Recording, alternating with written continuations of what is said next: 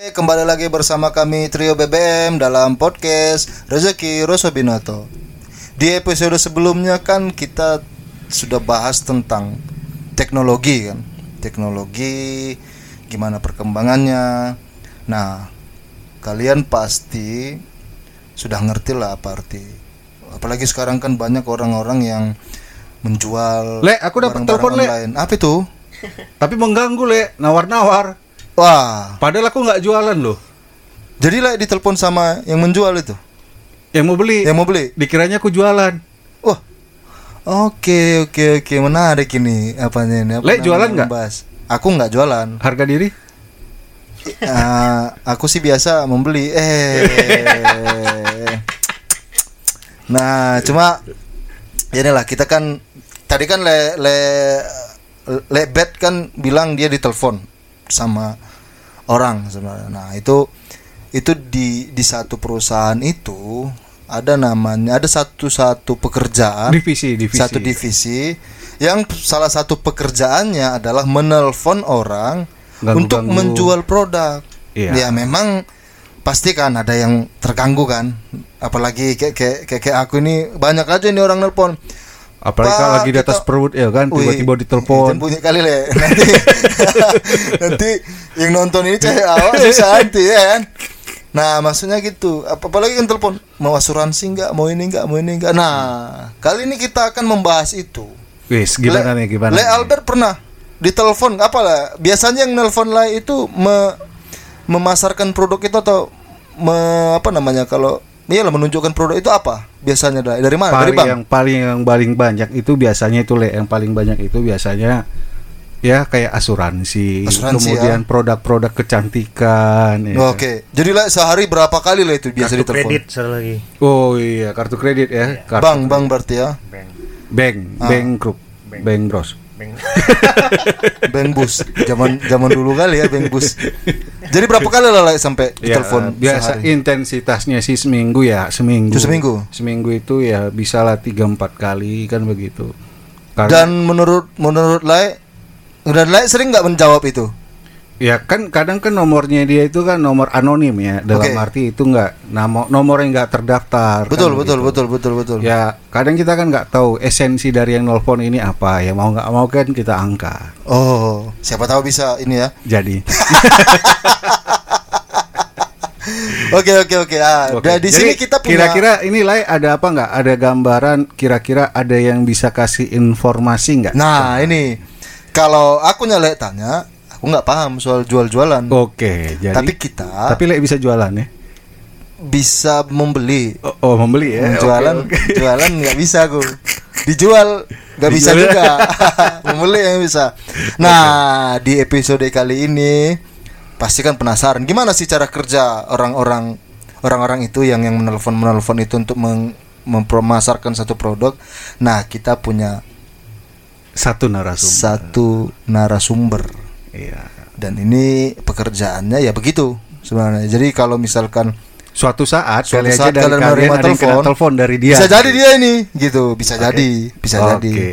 Mari kita Sambut, banting tamu kita. Iya. Inilah dia Ibu. Ya, silakan Ah, Ibu. ini. Silakan Bu. Eh, selamat sore. Anjing. Eh, perkenalkan. Bu, Bu eh, agak maju dikit, Bu.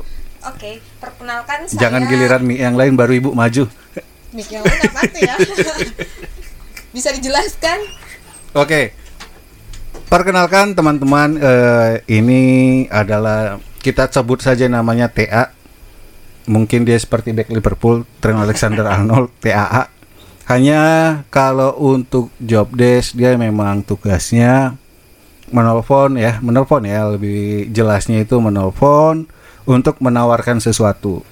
Cuman kita di sini tidak membahas apa yang ditawarkan, tapi yang kita bahas di sini adalah job desk-nya itu seperti apa, kemudian skill seperti apa yang dibutuhkan. Mengingat pada saat ini lowongan pekerjaan juga untuk yang seperti ini itu lumayan banyak bu ya, Banyak. banyak ya. Dan ini salah satu menjadi faktor fundamental dalam sebuah usaha ya. Iya. Oke, silakan dilanjutkan Ibu penjelasannya. Terima kasih wabillahi taufik wal hidayah. Eh, belum dimulai. Eh, jadi yang mau ditanyakan apa nih soal penjualan ini?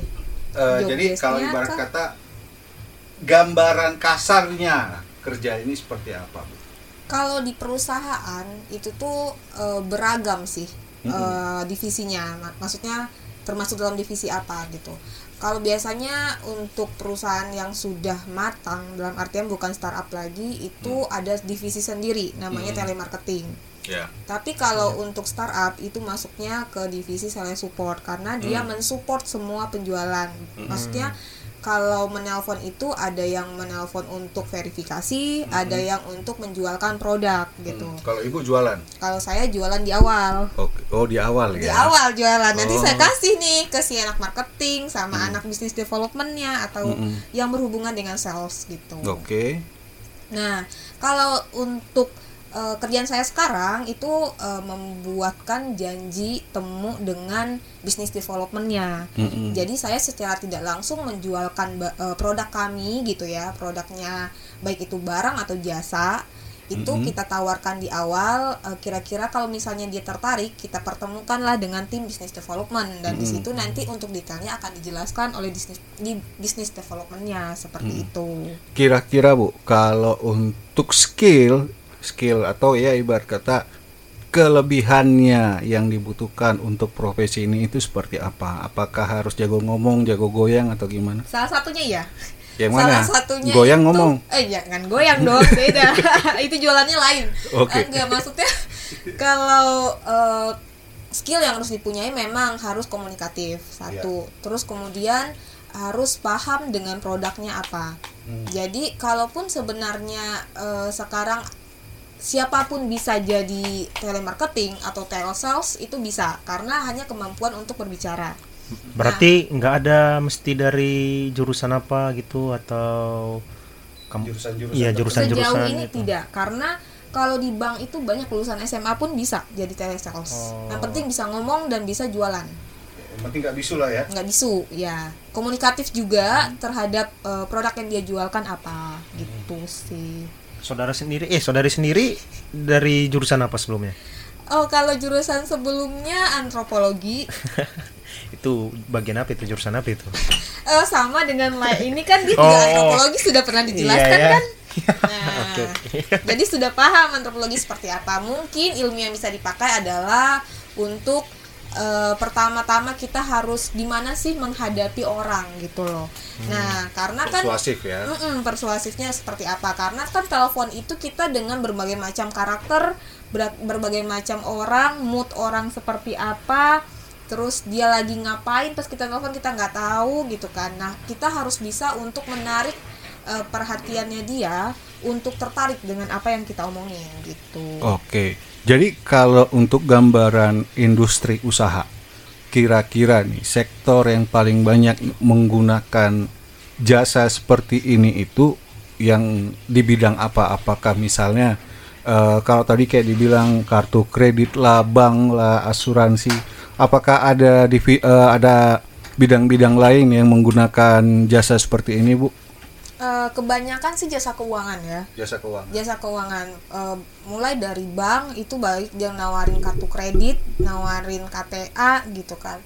Terus eh, sampai nanti dari bank itu juga bekerja sama dengan asuransi. Nah nanti dia jualan asuransi. Sampai nanti kalau di fintech pun dia punya program atau produk yang berhubungan dengan eh, jasa keuangan itu juga bisa ditawarkan. Sebenarnya apa aja bisa ditawarkan tapi lebih banyaknya ke bidang keuangan sih sejauh ini di Indonesia ya Oke, terus kalau misalnya nih kerja untuk dalam aplikasi kerjanya sendiri, ketika bekerja itu apakah kerja sendiri ataukah memang ada mata rantai pekerjaannya? Contoh misalnya kayak tadi dibilang kan eh, dari sales support itu dilempar ke divisi lain. Nah, itu apakah memang harus dilempar ke divisi lain atau memang bisa dikerjakan sendiri? harus karena itu bekerja eh, dengan orang lain ya maksudnya kan ada job desk masing-masing ya Eh, kalau saya sendiri sekarang appointment maker berarti ya membuat janji temu dengan eh, si calon klien itu. Otomatis yang akan menjelaskan dan akan menjualkan secara detail programnya itu adalah si eh, business developmentnya atau salesnya gitu kan.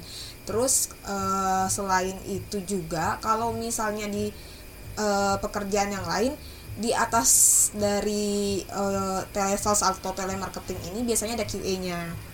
QA. Biasanya ada quality assurance-nya yang mendi, apa ya, memeriksa eh, jualannya sudah benar apa belum, udah sesuai dengan SOP apa belum. Kerjaan saya sebelumnya itu soalnya. Oke, jadi kalau jualannya benar itu artinya laku atau gimana? Eh, Bukan. Indikatornya seperti apa? Bu? Indikatornya ada SOP. Eh, SOP-nya itu Oh, baik itu sop dari ya? Ya, saus sayur sop pakai kayu kol. Sop buah, sop apa nih? Sop apa ya yang enak? nah, eh, maksudnya gini, QA itu dia itu akan mengkoreksi cara penjualan, baik itu eh, bahasa eh, awalnya benar nggak sih salamnya gitu. Terus eh, salamnya aja tuh bisa eh, bisa banyak loh persepsinya. Eh, kalau sebenarnya itu tidak boleh ngomong contohnya Anjing. dengan bapak ini ya Hmm. nggak boleh halo selamat siang bisa berbicara dengan bapak Albert gitu. Oh. itu yang sopannya seperti itu. Terus baik ke jualan. Jualannya ini misalnya nih dia jualin produk eh, dengan eh, harus bayar 500.000 ribu misalnya. Tapi dia tidak jelas ngomong 500 ribunya. Dia cuma ngomong nanti bapak ada bayaran 500 ribu. Ya, gitu. Nah itu tuh eh, tidak dibenarkan dalam hal penjualan. Karena si customer tidak jelas dengan apa yang kita jualkan gitu. Ada ininya nggak sih ada kayak teorinya nggak sih kata-kata yang sopan atau kata-kata Patokan. ya, patokannya gitu? Ada nggak? Ada. Bahasa Indonesia literaturnya ada? Bahasa Indonesia yang baik dan benar eh, formal. Ya gimana sih kita bahasa formal dalam eh, bertamu misalnya dengan pihak yang formal lah gitu. Berarti mengacu ke bahasa Indonesia sebenarnya? Iya. Literatur nggak ada nggak ada. Dan yang dilarang di dalam telemarketing atau telesales itu tidak boleh bawa logat. Oke. Itu nggak boleh. Nah ini aku penasaran nih sama eh, penilaian pekerjaan atau KPI lah. Itu gimana sih KPI-nya dari dari pekerjaan ini pekerjaan mbak ini? Eh, secara garis besar eh, kalau dari telemarketing itu KPI-nya itu dari eh, hasil yang kita jualkan maksudnya nanti dia bakal beli produk kita itu dibagi dengan total eh, kita nelpon keluar seperti itu nanti ada hasilnya itu CVR Probabilitas berarti ya. Ah, ah. nah berapa yang eh, jadi deal Oh, iya. itu yang jadi angka kita lagi Oke, berarti misalnya beberapa kali menelpon hasilnya sekian, berarti perbandingan antara itu ya. dia dibagi Mm-mm. Oke, eh, beberapa kali menelpon itu per orang atau gimana? teleponnya total semua aktivitas telepon semua berarti kan ada eh, satu telepon bisa dua kali satu nomor bisa dua kali telepon tiga kali telepon dalam seminggu gitu Ya maksudnya gini, misalkan eh, kan tadi total yang dijual dibanding jumlah telepon. Jumlah telepon itu dihitung nggak per orang? Mm, Atau jumlah telepon per orang per per nomor ya? Oh, kirain kayak misalkan nih eh, satu misalkan nih kalau eh, Mbak udah lima orang yang ditelepon per orang misalkan tiga kali berarti 15 kali telepon. Iya. Tapi yang dijual dua gitu kan sebenarnya dari sisi dari sisi ini kan udah menjual dua produk ke dua orang dari lima orang. Tapi kan secara panggilan 15 kan kecil. Jadi per per pro apa istilah apa tadi per apa? Per jualnya? ada eh, CVR-nya Per ini apa namanya? Maksudnya berarti per orangnya. ya per orangnya Oh, misalkan berarti kalau tiga kali nelpon per orang dan lima orang berarti lima kali nelpon lah itu istilahnya. Oh, oke oke oke oke oke.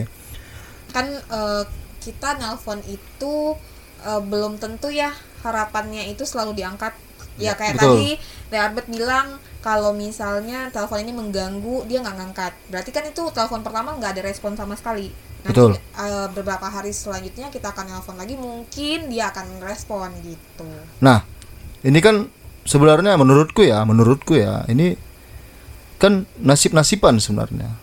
Misalkan gini, eh, jadi kalau misalkan nggak ada yang dijual, itu bisa jadi kemungkinan dipecat nggak? Kalau nggak laku jualannya. Kalau nggak laku jualannya. Kan masih ada badan. kan masih ada surat peringatan Iya, maksudnya gitu. Jadi misalkan nih, misalkan nih, eh, aku sama, kita dua pekerjaan sama, skill kita sama. cuma bagian cuma orang yang kita telepon itu beda Iya. dari lima orang itu eh apa namanya dari lima orang yang kita telepon aku misalkan lima limanya keras kepala nih nah mbaknya lima li- dari lima itu lima limanya bagus gitu padahal skill kita sama gitu Iya. berarti le- jelek juga ini ku Eh, Iya, karena KPI kita mainnya di angka. nah Di angka closing gitu. nah itu berarti kan sebenarnya ada faktor nasib juga kan kalau Iya. dipikir-pikir kan Makanya gimana cara kita untuk menarik perhatian si calon klien kita ini? Berarti di sini caranya? berarti di sini Bu kuat-kuatan doa lah ya. Iya. Enggak sih kekuatan doa sama ya faktor Laki. beruntung. iya kalau menurutku faktor faktor laki juga sih sebenarnya Kan ada itu grup bandnya. Udah laki-laki. anak-anak itu kayaknya ya kan Udah gedenya sekarang udah udah besar sekarang gitu Apanya? apanya? semuanya lah oke oke oke nah itu berarti sebenarnya gini eh, pekerjaan ini kan bisa dibilang kayak public speaking juga kan bisa dibilang ininya gimana cara menyampaikan kata-kata ke orang lain dengan cara yang halus atau dengan cara yang baik tanpa tanpa memikirkan kondisi pribadi kita juga kan Pro- profesional juga kan sebenarnya nah ini ini yang susah sebenarnya makanya orang-orang orang-orang yang Berdedikasi. pandai Menyembunyikan. ngomong pandai ngomong pandai ngomong kayak marketing atau yang sales sales begitu itu apa namanya sepele sebenarnya kan kalau dipikir-pikirkan. Ah dia cuma dia cuma ngomong kok. Padahal bukan hanya ngomong loh muka tebal juga ada. Iya, itu tergantung semen. iya like biasa apa nih? Semennya aku biasanya pakai tiga roda. ah. Jadi dua tebal bagus, tiga rodanya bisa jalan lagi. jadi kalau like misalkan tiga kali lah berturut-turut di, dikocok itu semen. Masih keluar nggak le Ya kan Tiga- jadi batu. kan semen lama-lama jadi apa? Keras. Keras kan jadi batu. iya juga sih kalau di Apalagi sampai tiga kali kan.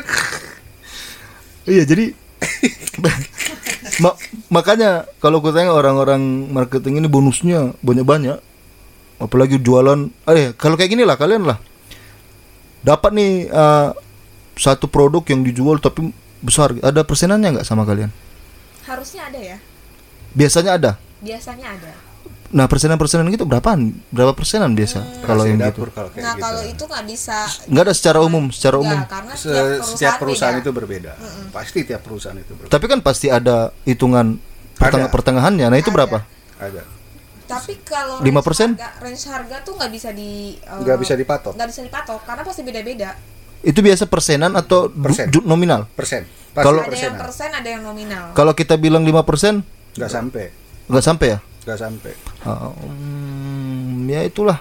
Jadi ya kalau kayak pekerjaan-pekerjaan Mbak ini menurutku itu betul-betul harus kerja keras juga ya kan kalau dipikir-pikir kan. Keras kerja. Keras kerja muka tembok Iya. kan itu kan muka tembok Pandai profesional iya karena kan ya namanya udah siapa tahu kan semua orang punya masalah pribadi Iya. tiba-tiba harus kerja harus menyembunyikan itu kan Semua harus jadi Mario Teguh. semua harus wah mari Teguh Dan aduh tuh mari ha- Teguh nggak boleh me- apa ya? eh, kita nih dalam keadaan kita bete, Hmm. Butuh Tapi- BT butuh apa? butuh apa sih gitu? ada BTT butuh tete dong. butuh tati tayang butuh tati tayang aduh padahal aku bilang butuh tati tayang loh Harus ini kayaknya harus disensor ini gitu. enggak, ah, enggak. Kan belum ada bahasa kotor. Iya. belum. Itu standar kan. iyalah BT itu Ini susah ini yang kita undang ini. Punya terbang tinggi juga. pengalaman. Dalam penjualan. Iya, pengalaman dalam menjual, Dua-dua ya.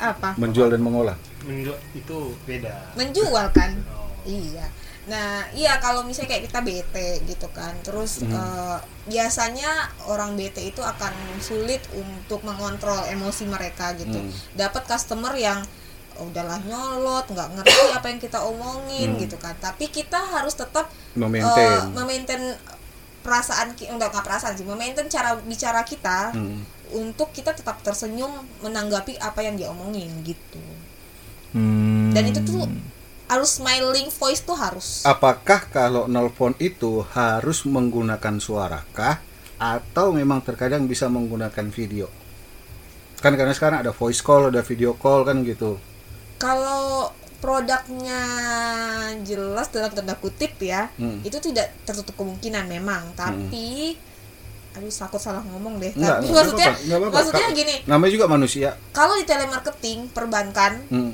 Asuransi itu Hmm. rata-rata pakai nama eh, online. Jadi mereka tidak menggunakan nama asli. Mm-mm. Nah, itu eh, inisial berarti ya bukan inisial misalnya dia nyebutin halo saya dengan Suri eh, dari bank ini misalnya Hmm. gitu kan nah itu tuh belum tentu nama asli mereka Oh gitu. Gitu. Oh, dapat informasi baru tahu aku. gitu karena ada nama online mencegah Hmm. untuk informasi pribadi mereka diakses oleh si customer yang nakal gitu Oke. terus lain eh, jadi eh, itu kan berarti kan eh, menghilangkan jati diri Mm-mm. Nah, dalam case seperti apa sih itu dipakai? Apakah hanya diperbankan kah atau ada di bidang lain juga? karena saya pernah kerja di perbankan dan mereka menggunakan nama online dan sekarang saya kerja di fintech tapi di fintech tidak menggunakan nama online tapi nama asli, Nah, jadi itu perbedaannya di situ sih. Jadi saya belum tahu kalau misalnya di perusahaan-perusahaan lain yang menggunakan eh, telesales gimana gitu. Oke.